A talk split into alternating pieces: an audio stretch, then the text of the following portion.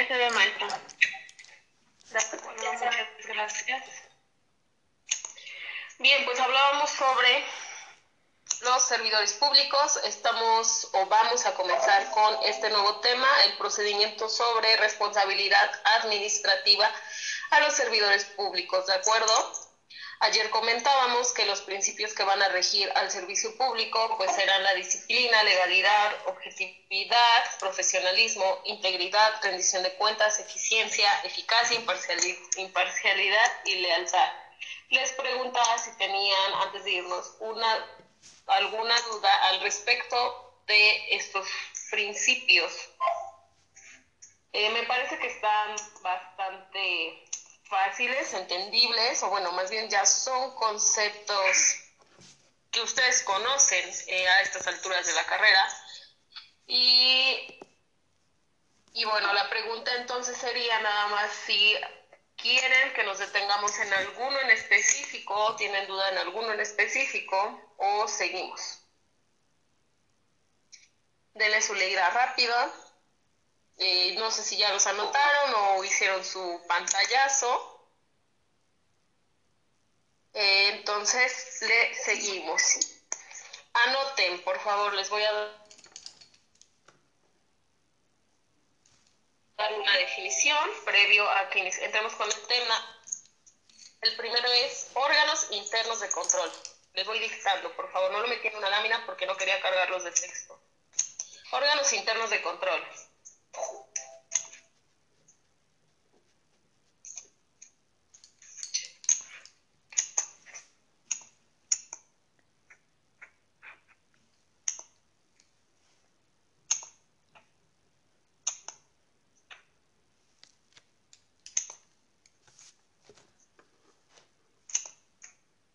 Perdón, va. Las unidades administrativas a cargo de promover, coma. Maestra, ¿lo puede volver a repetir, por favor? Es que se traba. Sí, la definición es sobre órganos internos de control. Dos puntos, punto y guion, no sé, aparte. Y es lo siguiente. Las unidades administrativas a cargo de promover, coma, evaluar,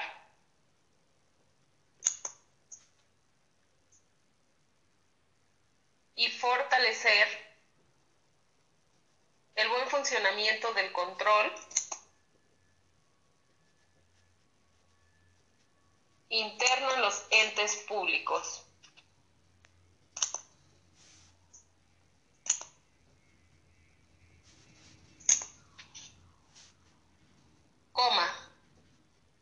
Así como aquellas otras instancias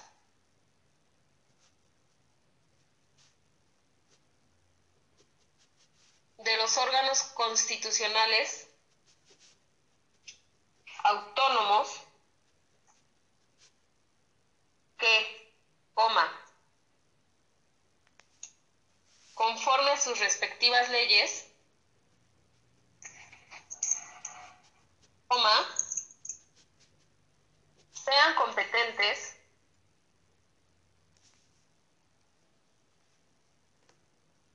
para aplicar las leyes en materia de responsabilidades de servidores públicos.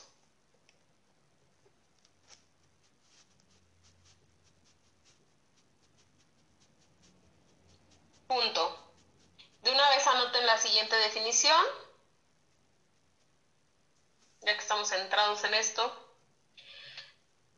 Vamos, bueno, va a ser el concepto informe de presunta responsabilidad administrativa.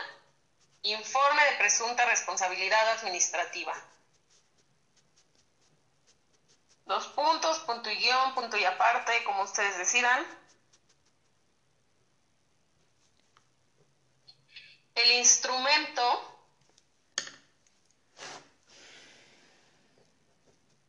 en el que las autoridades investigadoras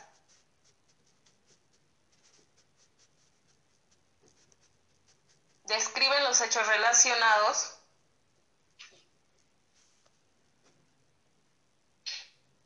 con alguna de las faltas señaladas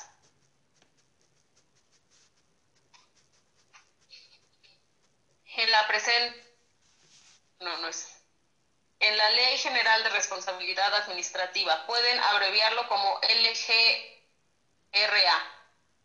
¿Puede repetir, por favor, maestra? Sí. ¿A partir de dónde? De los hechos relacionados. De los hechos relacionados con alguna de las faltas señaladas en la Ley General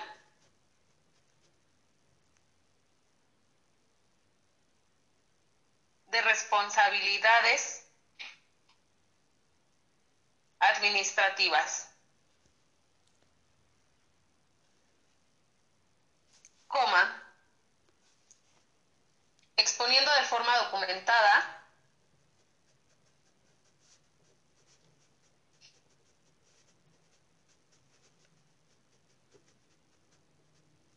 con las pruebas y fundamentos, coma,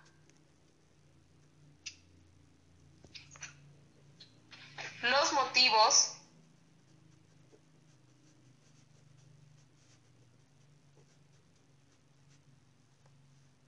y presunta responsabilidad del servidor público.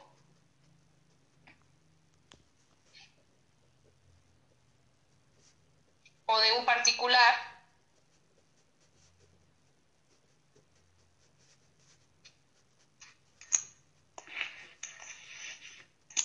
de la comisión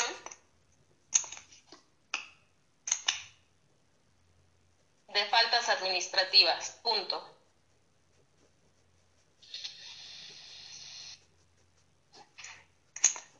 ¿Listo? Bien. Bueno, en cuanto a lo primero, órganos internos de control, chicos. Denle una leída. 30 segundos y díganme qué entienden.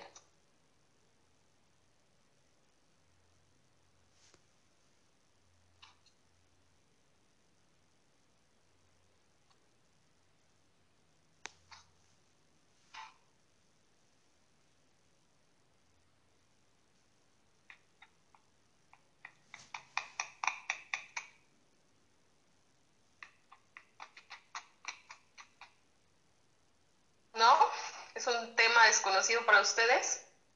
Yo, bueno, este, lo entiendo como la unidad que se encarga de administrar alguna dependencia, tanto federal como estatal, de administrar todo el, el dinero, todo el, como lo dice aquí, todo el control que lleve esa, esa dependencia. Por ejemplo, en cada ayuntamiento cuenta con una Contraloría, que es su órgano interno de control, que es aquella que se encarga de revisar todos los gastos, todo lo que, lo que entra, lo que sale, todo el inventario que tiene la, unidad.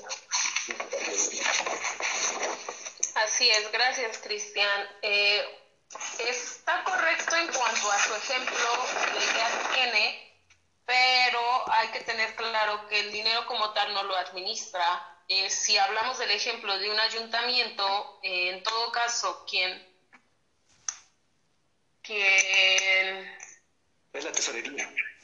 Ajá, así es, sí, quien administra y autoriza los pagos y todo esto sería la tesorería municipal, pero efectivamente, el ejemplo que les pone su compañero está perfecto. Un órgano interno de control, por ejemplo, a nivel municipal, es la Contraloría Municipal. Eh, otro ejemplo que se les ocurra o lo entienden así, por ejemplo, en Poder Judicial de la Federación está el Consejo de la Judicatura, ¿de acuerdo? Ese es el órgano interno de control de Poder Judicial Federal. Y la mayoría de los entes tienen Contraloría, así se le... CEP también tiene Contraloría. Maestra, otro eh, Sí, Cristian, perdón. ¿Puede ser la, este, la Contraloría del Ejecutivo o esa no entra? Sí, puede ser la Contraloría del Ejecutivo como un órgano interno de control a nivel estatal. ¿Queda claro, más o menos, en cuanto a los órganos internos de control? ¿Qué hacen los órganos internos de control, chicos? Bueno, pueden iniciar procedimientos eh,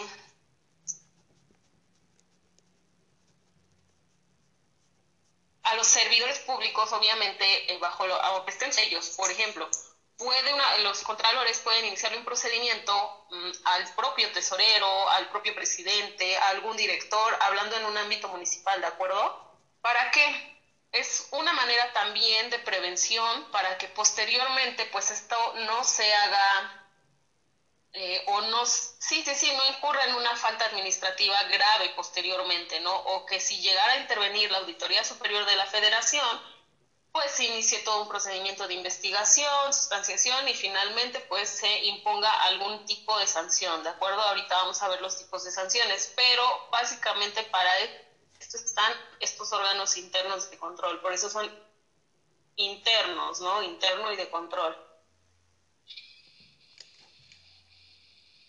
Bien, dicho esto, voy a hablar de la autoridad competente o que interviene en el procedimiento de responsabilidad administrativa. Tenemos a las secretarías, los órganos internos de control, la Auditoría Superior de la Federación y las entidades de fiscalización superior de las entidades, entre la escala es el órgano de, fiscalización superior, los tribunales, eh, los tribunales intervienen más que nada para las faltas graves o para faltas cometidas por particulares, ¿de acuerdo? Y la Suprema Corte de Justicia de la Nación y el Consejo de la Judicatura Federal serán únicamente para eh, Poder Judicial Federal, ¿de acuerdo? Anótenlo.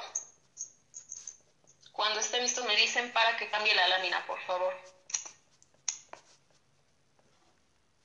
Disculpe, dijo que los tribunales son únicamente para faltas graves van a decidir sobre faltas graves, te quito mi pantalla hoy, sobre faltas graves y sobre faltas de los particulares, ¿de acuerdo? Gracias. Sí, de nada. Licenciada, una pregunta. ¿En las autoridades que intervienen en el procedimiento solamente a los tribunales o no alcanzo a escuchar otra? Eh, no, dije a las secretarías, los órganos internos de control, la Auditoría Superior de la Federación y las entidades de fiscalización superior de los estados. Les decía que en Tlaxcala es el órgano de fiscalización superior. Los tribunales, pero les ah, hacía la mención que ellos nada, bueno, los tribunales nada más eran para faltas administrativas graves y faltas de particulares y la Suprema Corte de Justicia de la Nación y el Consejo de la Judicatura solo en cuanto a Poder Judicial, ¿de acuerdo? De acuerdo, licenciado. No, no se alcanzaba a ver la pantalla. Bueno, no se No se preocupe. Sigo. Bien, pues entonces hablemos de las obligaciones de los servidores públicos. Mi lámina está vacía en este sentido. ¿Por qué? Ustedes saben que yo les voy a compartir esta presentación. Entonces, las obligaciones son muchísimas, naturales, porque cada organismo tiene un reglamento interno, un código de ética y de comportamiento. Por lo que juntos vamos a ver con ejemplos para que con esto se basen para el examen, ¿de acuerdo? ¿Les parece bien? Entonces, participen chicos. A nivel federal, obligaciones de los servidores públicos. Vamos a poner unas cinco de cada uno de ellos.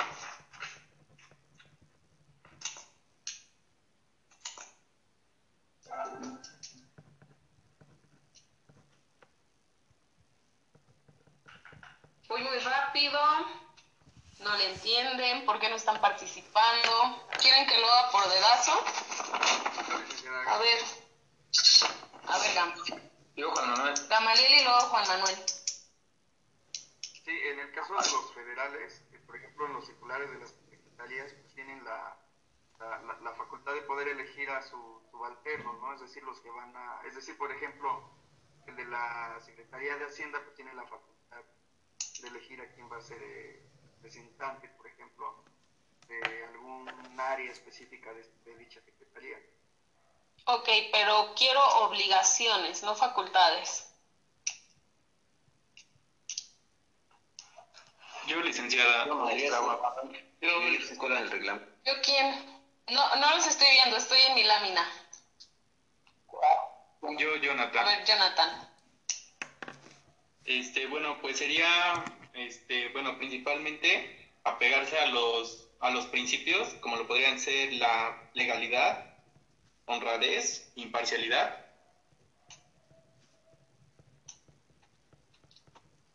De acuerdo, pero ¿cómo lo dirían una obligación?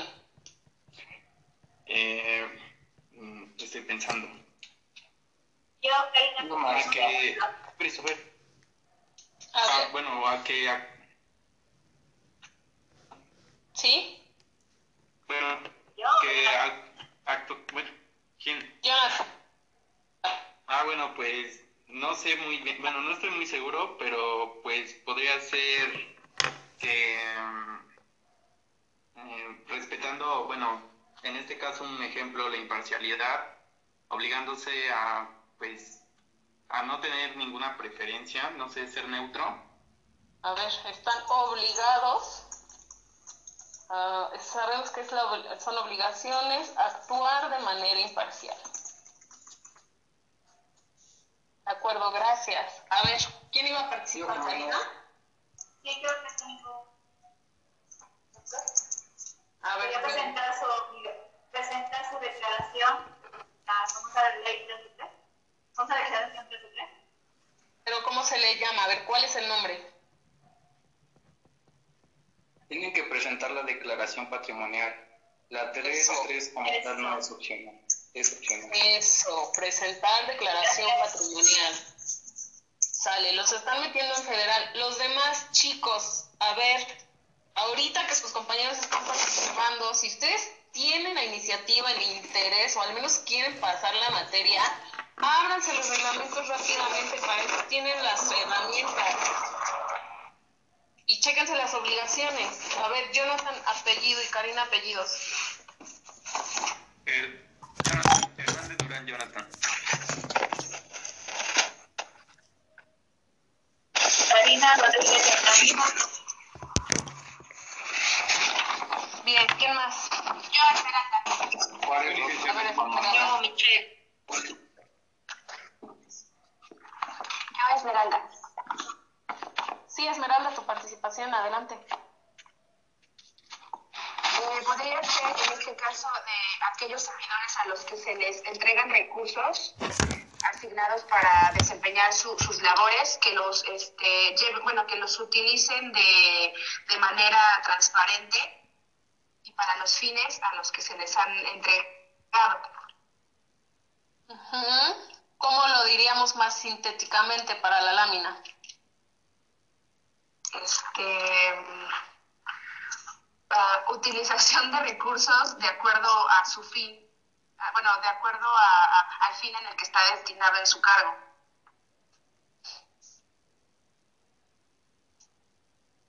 ¿Te podríamos decir uso debido de recursos públicos?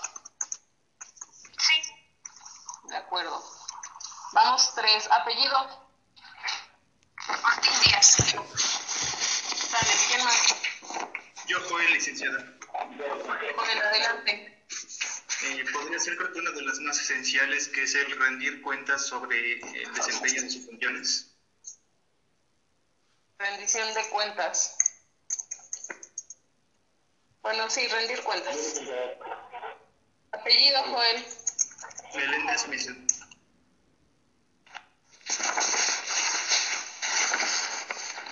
Meléndez. A ver, Gamaliel, es el último para federal. Yo, licenciada Diana Laura. Eh, quería también el abstenerse de desempeñar otro cargo público al mismo tiempo, mientras está eh, como servidor público federal. Eso aplica más para los jueces federales, ¿no? Pues sí, vienen siendo también servidores. Sí, sí, sí, pero bueno. Es más específico. Es que por eso les decía que se hablan los reglamentos, porque todos estos que me están diciendo también aplican para el estatal y el municipal, pero bueno, lo vamos a dejar en el federal, así que espero que sus ejemplos de estatal y municipal estén más aterrizados.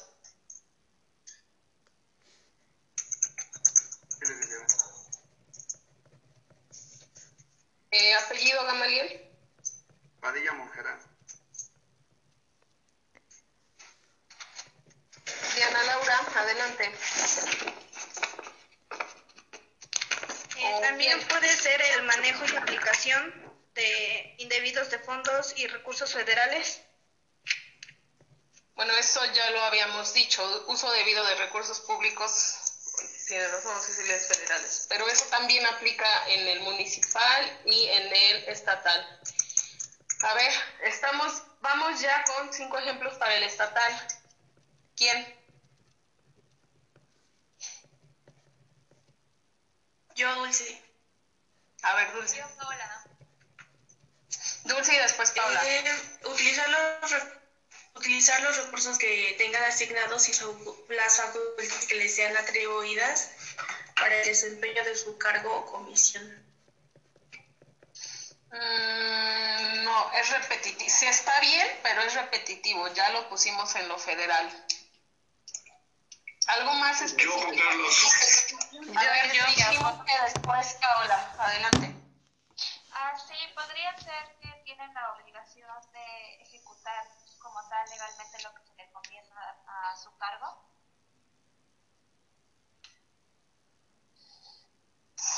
Pues actuar de man- con apego a las leyes, sí, también está muy general. Vamos a lo federal. Quiero ejemplos más. Yo, licenciada Juan Carlos. Yo, Elizabeth. Yesenia. Juan Carlos. Yo, licenciada Guadalupe. Juan Carlos, adelante. Sí, los servidores públicos también están obligados a, a colaborar en los procedimientos judiciales, ¿no? En este caso, si existe una investigación en una oficina, están obligados a con la documentación necesaria, que la, la que, lo que le requieran, ¿no? Entonces, para sintetizar, en este caso sería colaborar en los procedimientos judiciales. Así es. A nivel estatal, eh, por ejemplo, dígame quién podría. Este, si es el. A nivel estatal, si es el órgano superior de fiscalización, en este caso puede solicitar la documentación, este. No, el Congreso del Estado puede solicitar documentación fiscal a, por ejemplo, a la, a la presidencia, ¿no? A las, a, presiden- a las presidencias Sí, pero, o- sí, sí, pero el co- Congreso no puede llevar un procedimiento judicial. En todo caso, el Congreso estaría obligado a, a colaborar, ¿no? Y a presentar la información de una cuenta pública. Pero sí. sí, vamos, vamos bien. ¿Quién más? Pablo. Yo. Yo, Stephanie, profesora. Stephanie, a ver. Eh, puede ser Yo- un ejemplo. Porque oí nombre, ¿eh? Debes de decirme su nombre. Puede ser un ejemplo el de retener y contribuir impuestos sobre la nómina. Sí.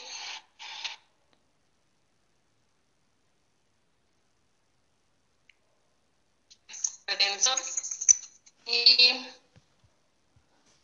pago de impuestos locales. Ah, ¿Quién fue quien participó? Juan Carlos, apellido y apellido Estefan. Gloria Estefan. Juan Carlos Cortés Pérez. Rodríguez Cedeño. Bien, ¿quién más? Juan Carlos Cortés Pérez. Yo, yo, Margaret. A ver, Margarita. A conocer y cumplir con los ordenamientos jurídicos del Estado y que regulen sus funciones y obligaciones. Conocer y cumplir.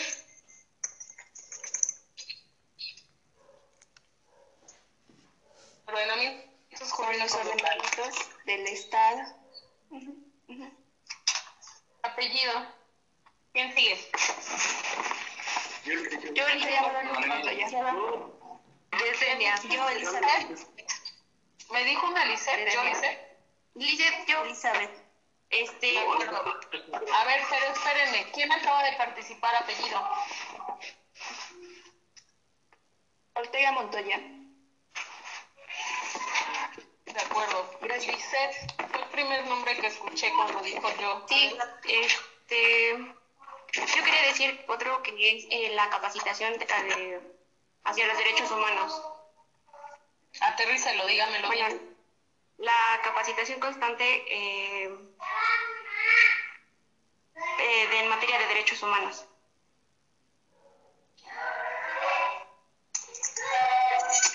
Luego, Cristian.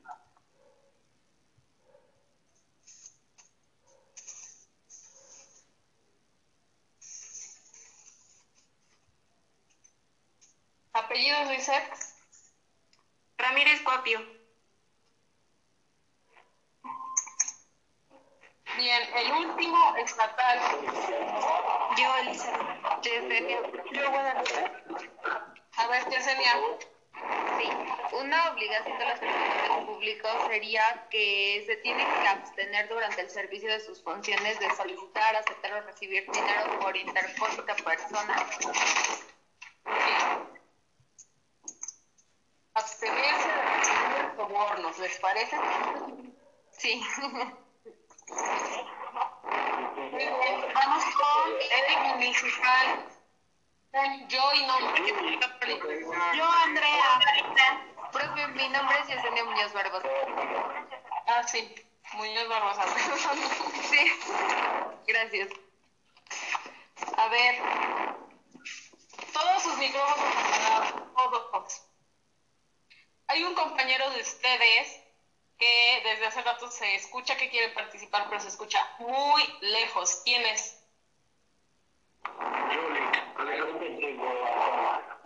A ver, usted, dígame su ejemplo. Sí. Eh, sería aportar su gafet o credencial que lo acredite como trabajador del ayuntamiento.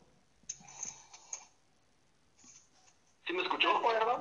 Sí, lo escuché. Mm, Sí, está bien el ejemplo. Si no, si no lo hace sería una falta no grave, pero bueno, portar gafet o identificación. Yo, licenciada, me gustaría participar. Yo, licenciada. Apellido del Yo, compañero que yo, acaba de licenciada Leslie. Apellido del compañero que acaba de participar. Muñoz Quintero. Gracias. De nada. Yo, ¿Quién licenciada. Yo, licenciada Christopher. Fue la primer nombre que escuché, Aileen. Aileen, eh, formular y ejecutar los planes, programas y presupuestos correspondientes a su competencia.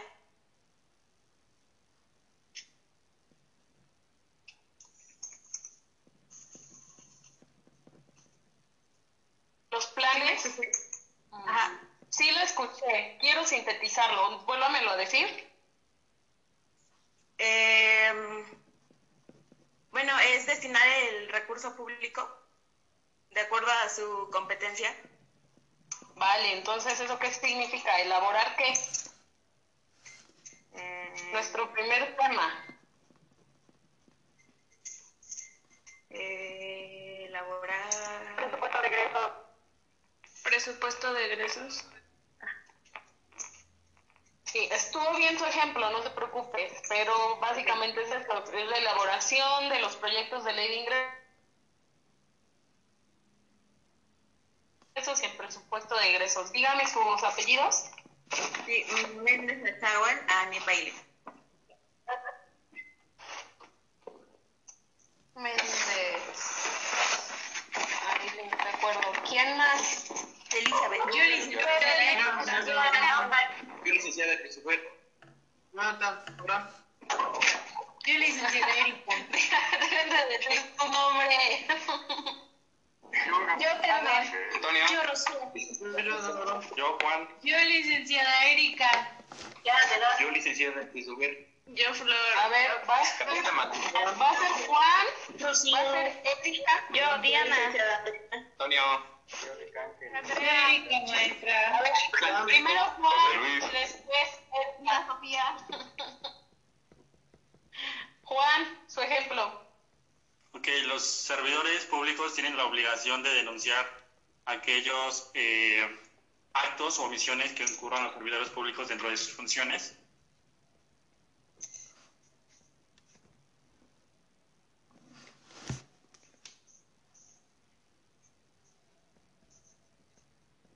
Sí, es denunciar los actos y las omisiones de otros servidores públicos con los que trabajan, sus subordinados o subalternos o superiores jerárquicos, y que tengan conocimiento, ¿de acuerdo? Y lo deben de hacer en todo caso en el momento en que conozcan esto. Apellidos, Juan.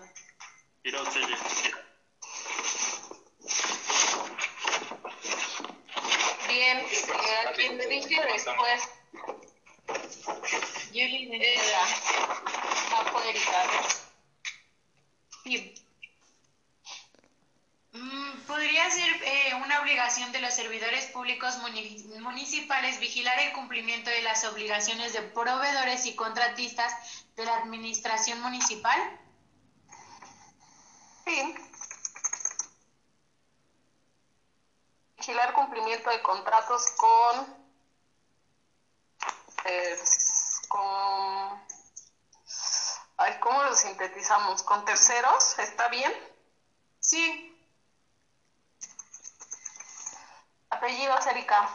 Molina Macías. A ver, Antonio. Ah, sí, gracias. Este, mi ejemplo sería el de custodiar o cuidar la información que el servidor público tenga a la mano o que tenga presente. ¿Qué Sería Cuidar y información? resguardar la información. ¿Qué información? Eh, por ejemplo, la información acerca de su, de su trabajo, de lo que él pueda este, manejar, tendría que cuidar esa información. Sí, se conoce como información privilegiada, chicos, ¿de acuerdo? ¿Por qué privilegiada? Porque eh, solamente por la naturaleza de su cargo o de su empleo pueden conocerla y efectivamente, de hecho, caerían o estarían en una falta grave, eh, pues si hacen mal uso de esa información. Apellido, Antonio. Hernández. Gracias. Bien, chicos. ¿Ven cómo si pueden participar?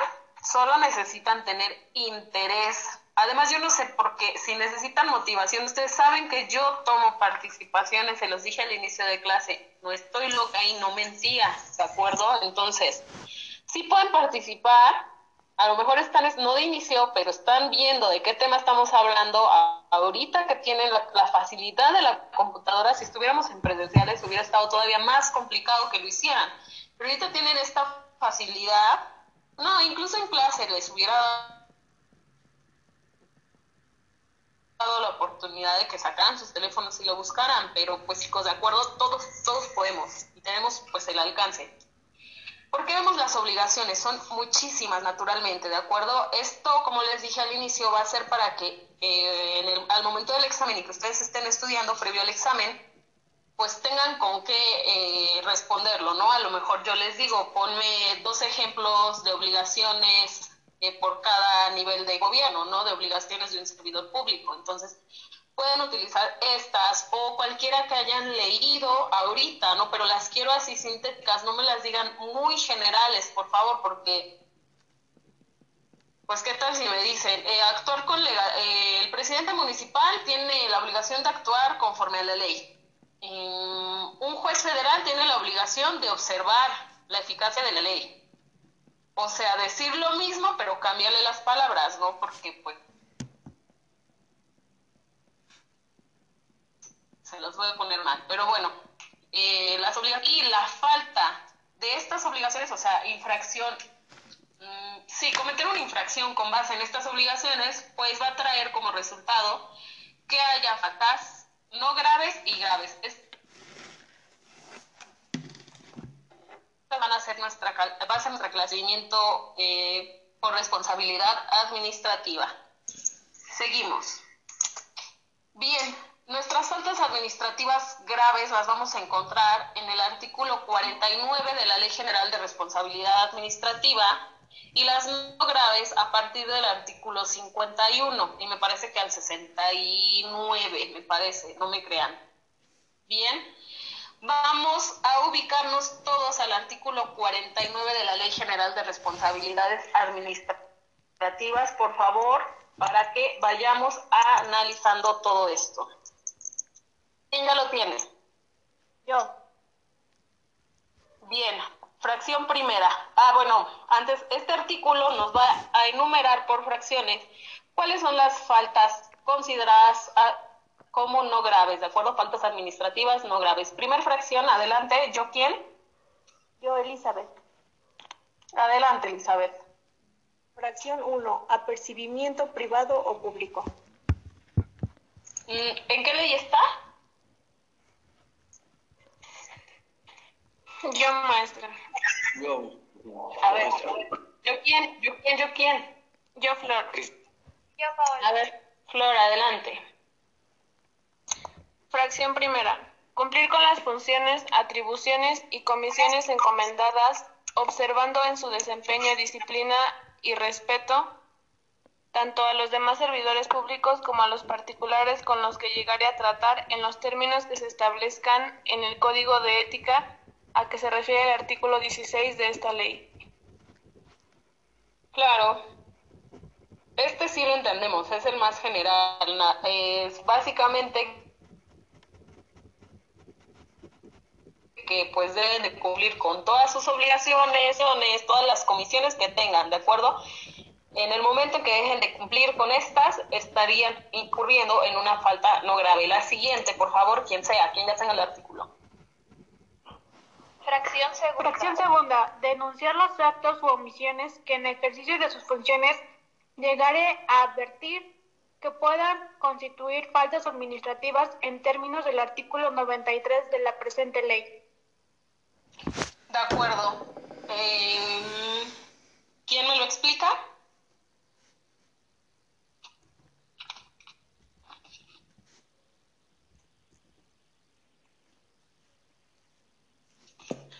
Yo, Flor. A ver, Flor. que si un servidor público em, es testigo de que algún otro servidor público de mayor o menor jerarquía hace alguna falta administrativa, pues este servidor público que lo presencia tiene la obligación de comunicárselo a sus superiores para que sea sancionado. Así es la importancia de prestar atención. Yo lo acababa de decir. ¿Apellido? Pérez Paredes. Bien. En la siguiente fracción, por favor. Yo, atender las instrucciones de sus superiores siempre que éstas sean acordes con las disposiciones relacionadas con el servicio público. En caso de recibir instrucción, la encomienda contraria a dichas disposiciones deberá denunciar esta circunstancia en términos del artículo 93 de la presente ley. Un ejemplo, cualquiera. Pues, por ejemplo, cuando un... Ah, bueno, yo Guadalupe. A ver. Pues ya siga, no importa, siga.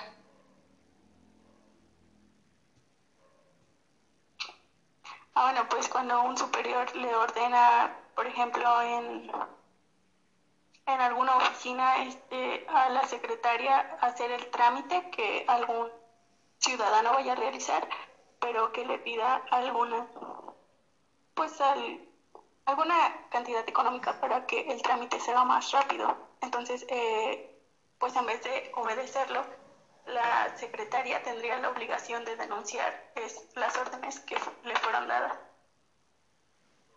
Sí, está bien.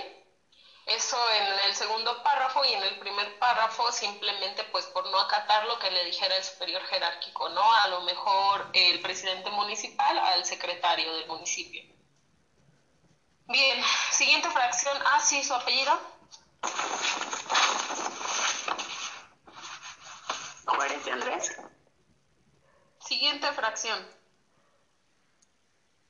Presentar en tiempo y forma las declaraciones declaración patrimonial y de intereses en los términos establecidos por esta ley. Bueno, ese no merece mayor explicación, es de lo que hablábamos. Eh, quien si no presenta en tiempo informa o simplemente no presenta la declaración patrimonial, pues estarían incurriendo en una falta no grave. Siguiente fracción.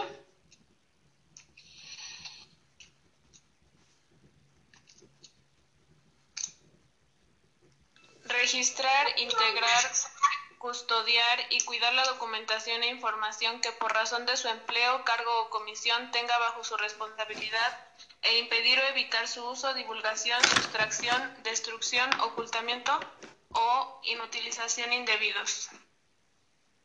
Así es, esto ya lo explicaron, lo explicó uno de sus compañeros en su ejemplo. Eh, yo les pondría el ejemplo de que un, un, tesorero municipal, según la ley de fiscalización, ah, estoy hablando de Tlaxcala, según la ley de fiscalización, dice que está obligado a resguardar la información eh, después de que haya terminado el, el ejercicio del presidente municipal en turno, está obligado a resguardar la información de contabilidad cinco años posteriores, ¿de acuerdo? Esta podría ser una. No puede destruirlo, no puede sustraerlo, no puede ocultarlo ni usarlo indebidamente. Siguiente. Tengo Supervisar que los servidores públicos sujetos a su dirección cumplan con las... Adelante. ¿Cuál? Este, en la lámina que nos está proyectando tiene como graves las que estamos leyendo. ¿Sí está, sí es, sí está bien?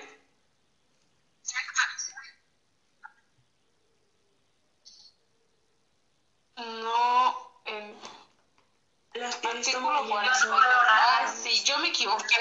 Yo me equivoqué. Yo me equivoqué con el título de mi. o sea, con el título, pues, de la, de la lámina, pero sí, eh, es al revés. Pero bueno, sí les he estado diciendo que son las no graves, entonces vamos bien, ¿no? Nada más fue un error aquí mío, una disculpa. Y gracias por la aclaración. Estamos en las no graves, efectivamente. Eh, bien, eh, les leía la fracción que decía de supervisar que los servidores públicos sujetos a su dirección cumplan con las disposiciones de este artículo, pues naturalmente esto ya, pero va más dirigido a los superiores jerárquicos, porque pues dice sujetos a su dirección, ¿de acuerdo? Rendir cuentas sobre el ejercicio de las funciones, esto también ya lo vimos, o ya lo dijeron como un ejemplo, y esto pues ya, o sea, forma parte del tema que recién vimos sobre el procedimiento de fiscalización superior y la obligación de rendir cuentas, ¿de acuerdo? ¿Qué pasaría si no rinden cuentas? Pues naturalmente estarían incurriendo en una falta y tendrían una sanción.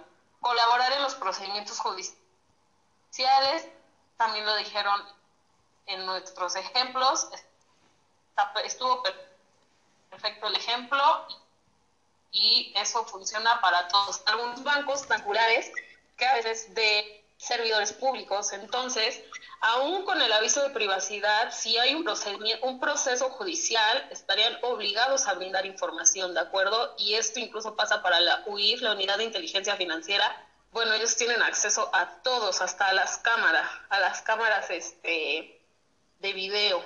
está muy cañón eso. No sé si ustedes han visto documentos de la UIF, incluso no se sabe quiénes trabajan ahí. Van las firmas y el título que tiene, pero no, no viene el nombre por, porque pues lo que hacen es muy delicado y pues van contra gente muy poderosa, generalmente. Pues sí, ¿verdad? No nos van a fiscalizar a un simple mortal que gana nada más medio millón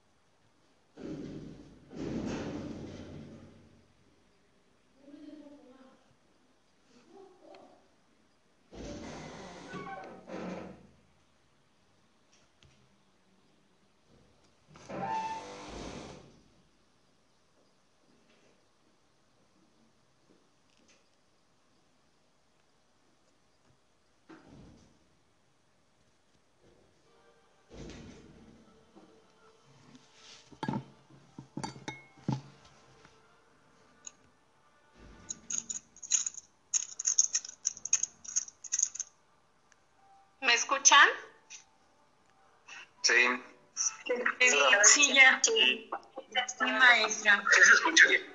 Vale, lo que termina de cargar y aprovechando que sí me escuchan, pues voy a darle, ¿sí? El último, la última fracción era que se, deben de cerciorar antes de que celebren contratos, obviamente adquisiciones, arrendamientos, enajenación de bienes, o sea, todo lo que celebren con otras personas, o sea, papelería, por ejemplo, ¿no? Que se ocupa muchísima en, en cuestión de oficinas. eh, Las comercializadoras. Sí, sí, la- sí, sí, claro, ¿no? Si van a comprar algún camión o coches, etcétera, deben de cerciorarse. eh,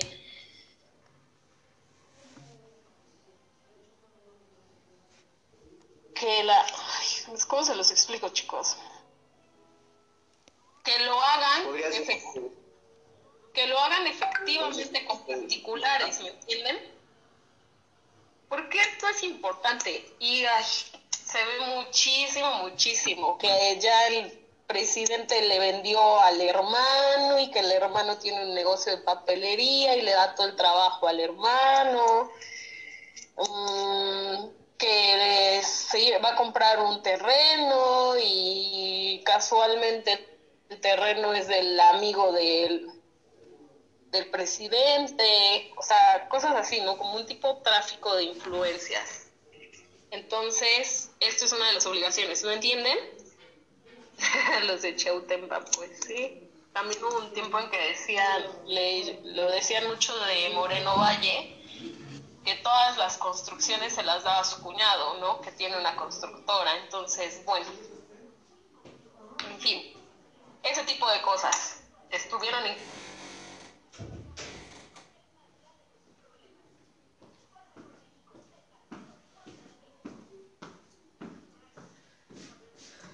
¿Se fue? ¿Ya no se oye o soy yo? No, ya se fue, creo.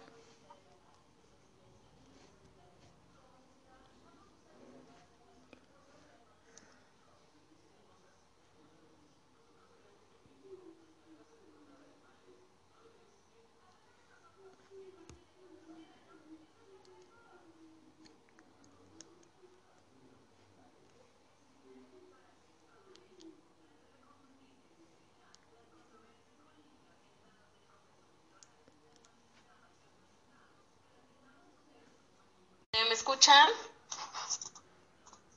Sí, Sí, sí, sí, sí. ya. Sí, Bueno, esperemos que ya no haya muchos problemas. Si esto persiste, eh, yo creo que voy a- me voy a pasar al teléfono y mm, pues lo seguimos hablando un rato, aunque sea, porque no puedo dar clases y me estreso. Entonces, bueno, ¿queda claro el último punto? Sí, licenciada. Bien, pues gracias. Contéstenme porque siento que me trabo y... y pues, o sea, contéstenme, aunque sea con sí o con no, aquí en su micrófono para que escuche a su perro ladrar. Eh, bueno. Sí, dígame. Este, bueno, en el, bueno, en el caso de, eh, bueno, de esto de las comercializadoras, también, bueno, si llegaran a incurrir en algún, bueno, en algún delito con, en este caso, un municipio, igual, este, son investigadas, ¿no? Sí, son totalmente investigadas. De hecho, eh, no sé, yo les comentaba que, por ejemplo, la Auditoría Superior de la Federación puede presentar denuncias y, y pues a través de esto se investiga. Ahorita van a ver cuáles son las autoridades que pueden investigar, cuáles sustancias, sustancia, sustancian y cuáles resuelven, ¿de acuerdo? En todo caso, para las sanciones. O sea, a lo mejor, bueno, no sé si ahorita, pero conforme vamos avanzando, es algo que vamos a ver. Previo a esto, pues naturalmente vámonos a las faltas graves a partir del artículo 51. Estos, pues ya, más que graves, ustedes los reconocerán como delitos también, porque vienen en el Código Penal. Entonces, primero, 51. Las, las conductas previstas en el capítulo, con- en ese capítulo van a constituir faltas administrativas graves de los servidores públicos. claro que deberán abstenerse de realizarlas mediante cualquier acto u... Dígame, ¿quién me dice que es el cohecho? El soborno.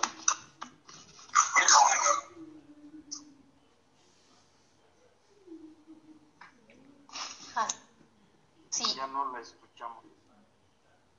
Es.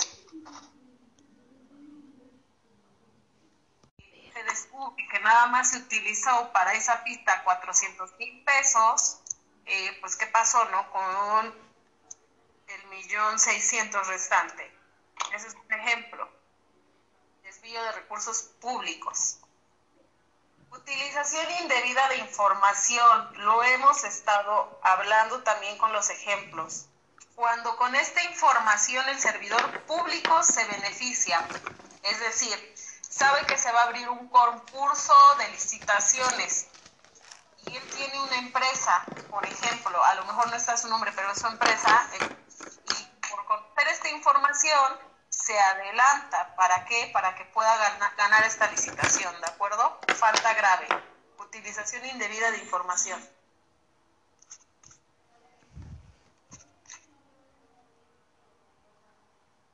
¿Qué se considera como información privilegiada? La que el servidor público obtiene con motivo de sus funciones y que no es del dominio público. Creo que esto ya quedó claro, ya se los había mencionado.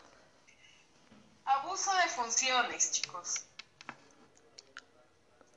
¿Qué entienden por abuso de funciones?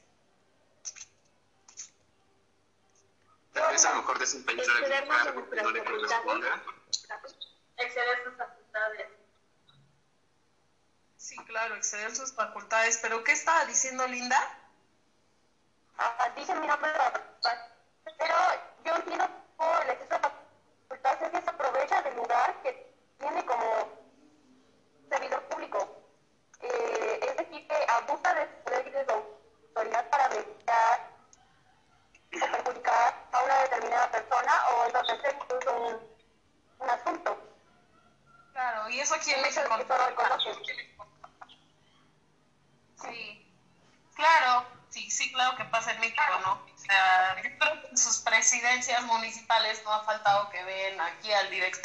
obras o a X persona que por trabajar en el ayuntamiento abusa de ese poder que cree que tiene, porque además, chicos, no es poder, o sea, lo confunden nuestros servidores públicos, por eso se llaman servidores públicos.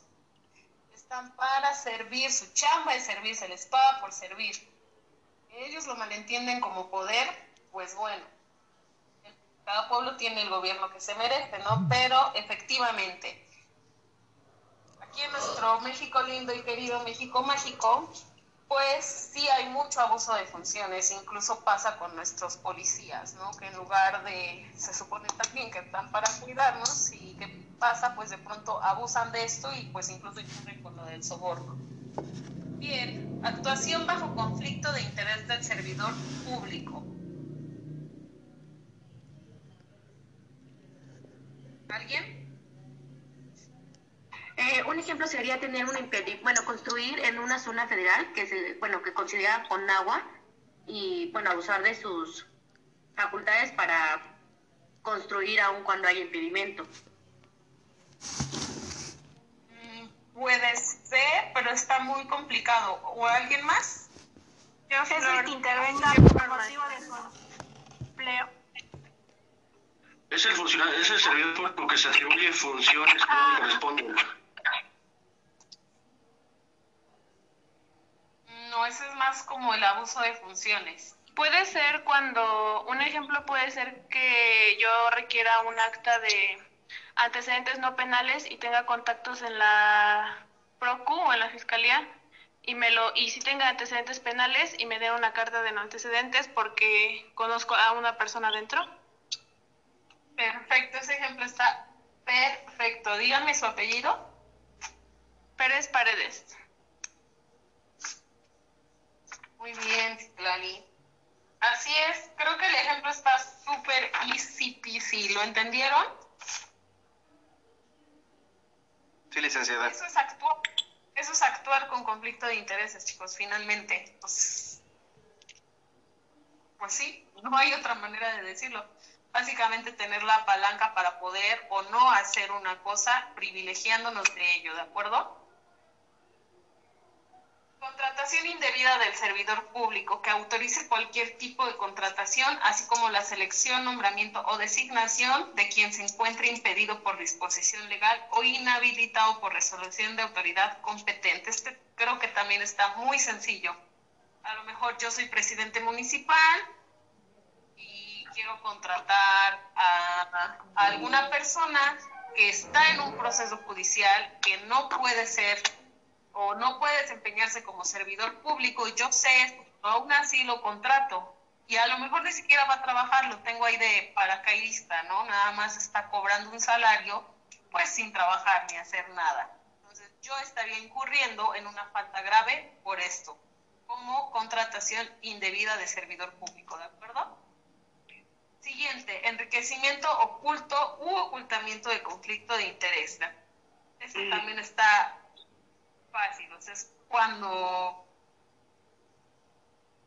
eh, a través yo de estar desviando recursos me estoy enriqueciendo y simplemente pues estoy ocultando este enriquecimiento, ¿no? Estoy, aparte de que estoy malversando fondos, y aparte, y bueno, y por otra parte, el ocultamiento de conflicto de interés es relacionado con lo que con el ejemplo que les daba a su compañera Citlali.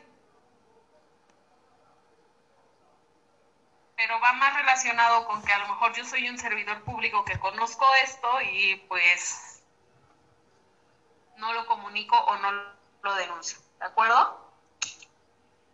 ¿Dónde vamos? relacionado con el hecho de colaborar con procedimientos judiciales, ¿de acuerdo? De control interno, de fiscalización. Si te están solicitando alguna información o documentación y tú no lo, tú no la entregas, no la proporcionas o entorpeces el procedimiento, estás incurriendo en la falta grave de desacato. Hasta aquí nuestras faltas graves contempladas en la Ley General de responsabilidades administrativas. Posterior a nuestras faltas administrativas graves, pues ya tendremos el delito, ¿de acuerdo? Pero los delitos pues los tenemos en el Código Penal General. Sí. Ay, no, ya tienen tarea. Bueno, mientras no les dejaré tarea hasta que entreguen el trabajo que les dejé. Y en la siguiente clase pues yo hablo sobre los delitos de carácter administrativo, ¿de acuerdo? que son más que nada los Ahora, ¿qué, es, ¿qué quiero decir con esto de los tres años y siete años? Y va a ser pregunta de examen, ¿cuándo prescriben las faltas graves y las faltas no graves? Las faltas no graves van a prescribir a los tres años y las faltas graves a los siete años. ¿A partir de cuándo? Pues a partir del día siguiente en que se cometieron o bien dejaron de cometerse o cesaron sus efectos en todo caso. 3 y 7 años. Si me ponen 3 y 5, medio punto. Si me ponen 1 y 5, van a estar mal.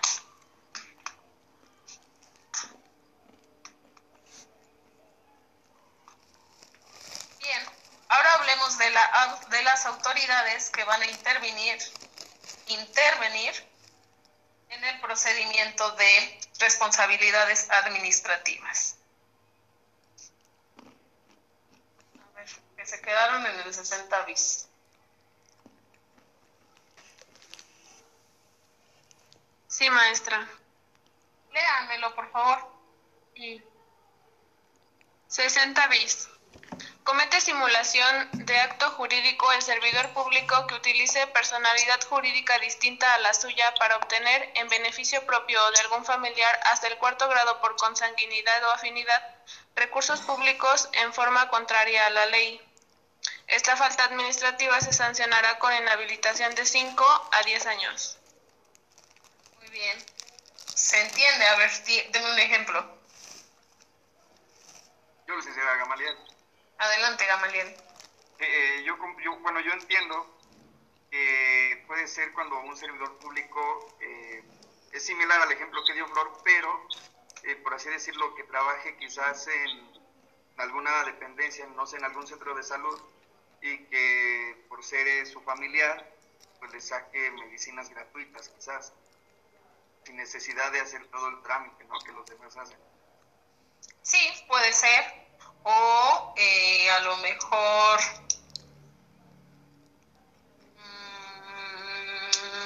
Yo, les digo, yo tengo, yo tengo un, no sé si puede hacer un ejemplo, pero es como el de Gama.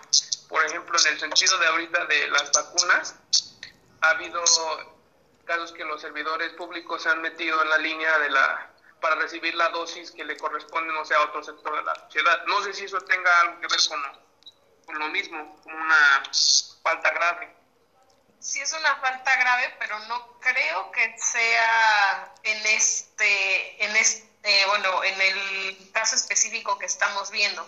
Miren, ustedes ya están en prácticas profesionales y muy seguramente están en organismos públicos. Cometerían una falta grave si ustedes estando dentro, un practicante judicial o algo así, si ustedes estando dentro utilizan a lo mejor sellos de la dependencia. Bueno, lo de los sellos es un delito, ¿no? Pero en un para hacer, por ejemplo, decir, yo estoy haciendo mi servicio en el IMSS pues discretamente a lo mejor me agarro un formatillo para qué? Para justificarle la falta a mi hermano o algo así. Están haciendo o están más bien simulando un acto jurídico de servidor público y es una falta grave que puede terminar como delito, ¿de acuerdo? ¿Queda claro el ejemplo? Sí. De acuerdo. Siguiente, y sí, perdónenme, me brinqué los últimos. Tráfico de influencias, este es tan fácil y también casi no pasa en México, ¿verdad? el padrino que mete al ahijado o la ahijada a trabajar, pues porque es el ahijado, porque el papá es el compadre.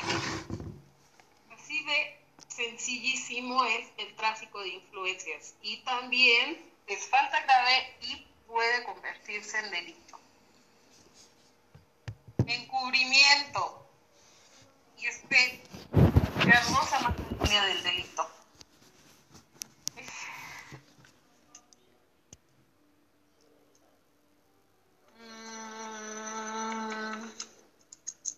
Pues es que este, hay un acto que es un, es, es una falta grave o incluso quizás un delito, a lo mejor en el ejemplo que les decía, usan los sellos, usan los sellos para justificar una falta y su encargado que sí trabaja ahí bien formalmente, se da cuenta, pero les da permiso, los está encubriendo, ¿de acuerdo? Ese es el encubrimiento. desacato ya lo vimos, es el que les decía hace rato. Nepotismo. Ay, hasta parece chiste que esté en ley, ¿no? Y que pase muchísimo en México, muchísimo. Es un chiste triste. A ver, ¿qué es el nepotismo?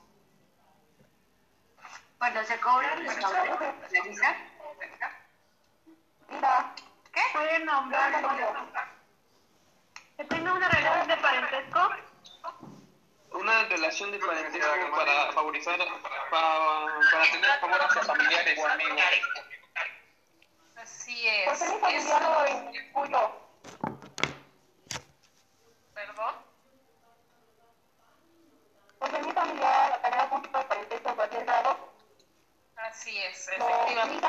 No, para que trabaje conmigo es amigos no, es más este parentesco, afinidad obviamente familiares este no directos, pero sí efectivamente al esposo, al concubino, bueno, eso también pasa muchísimo en México el nepotismo, ¿no? Que entra uno y pasa más a nivel eh, local, entra al ayuntamiento o entra al estado y toda la familia ya está trabajando ahí Efectivamente, el nepotismo es una falta grave. Ahora sí, terminamos con esto dudas, tomaron, anotaron todos, claro que yo no les voy a preguntar todos, pero como son varios, pues sí les voy a decir que me anoten al menos 10, no es cierto, al menos 5.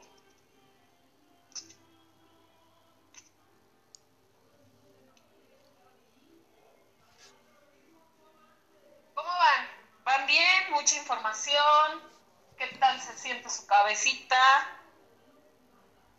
¿Se sienten bombardeados de información? Ya cansados.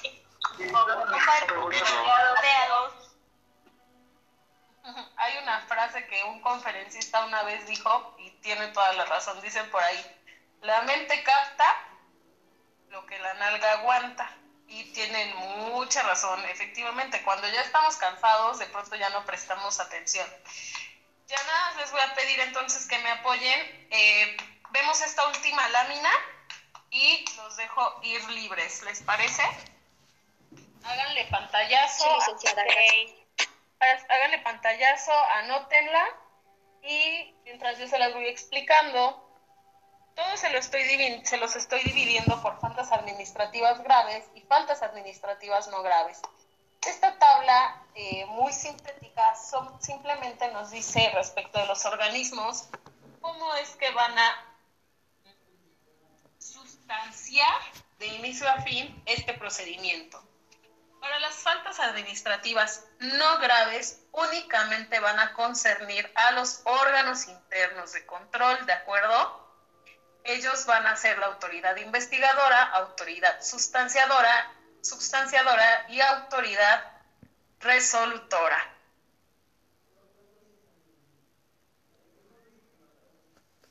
Para no entrar tanto de lleno, nada más ahorita superficialmente se los platico, que, ¿de qué se encarga la autoridad investigadora? Pues naturalmente de recabar toda la información que demuestre o compruebe que el servidor público efectivamente está incurriendo en una falta, ¿de acuerdo? Y aquí va a intervenir la definición que les di al inicio, el informe de presunta responsabilidad administrativa, ¿de acuerdo? Se presenta este informe y en este informe pues va a venir por qué se cree que se está incurriendo en una responsabilidad administrativa, la autoridad investigadora se encargará en todo caso pues de recabar toda la información o medios de prueba. La autoridad sustanciadora se va a encargar de verificar la veracidad de estos medios aportados por la autoridad sustanciadora. Claro que a nivel faltas no graves, pues la autoridad es la misma, pero se los estoy explicando así. Y efectivamente va a ser lo procedimental necesario antes de llegar a una resolución. ¿Qué quiere decir esto? Se le va a dar la oportunidad al, presunto responsable de que desvirtúe lo dicho por la autoridad investigadora, ¿de acuerdo? Presentar en todo caso alegatos y sus propias pruebas.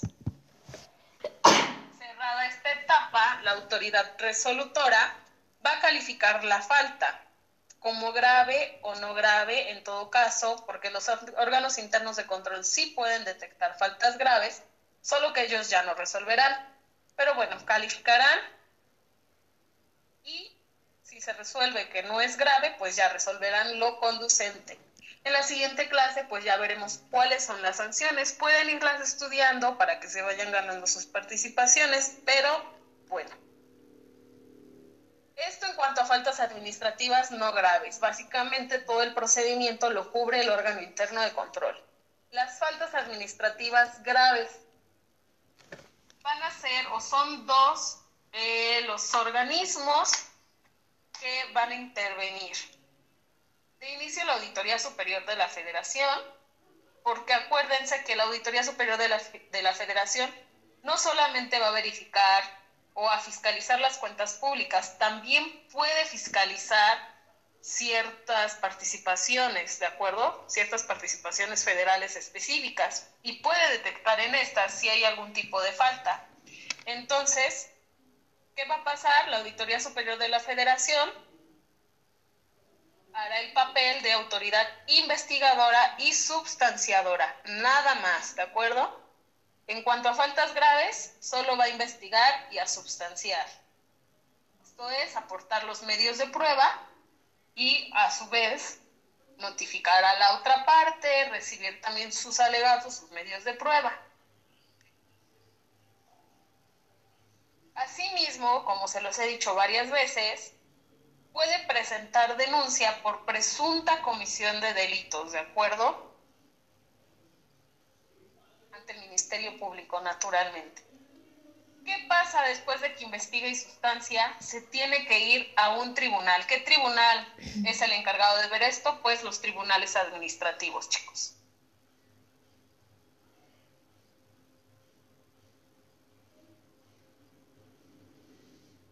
Se les queda de tarea para participación, o sea, ya les dije que no les voy a dejar tarea, pero para participación, o la primera persona que me lo mande el mensaje, ¿qué tribunales porque tenemos dos tribunales, dos tipos de tribunales administrativos en el país.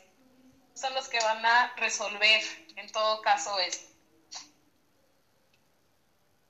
Los tribunales van a resolver sobre estas faltas, van a poner las sanciones correspondientes y también las faltas cometidas por los particulares, ¿de acuerdo? Los particulares que son o hacen las veces de servidores públicos. Quédense con esto. Ya les estoy dando una introducción de cómo va a ir el procedimiento, más o menos, qué tipo de autoridades son y quiénes son las que intervienen para cada una de estas faltas. Espero que lo hayan anotado en su libreta. Prepárense con sus micrófonos. Voy a pasar lista rápidamente. A Conci Flores. Presente. Aguilar Hernández. Presente. Julio Mesa.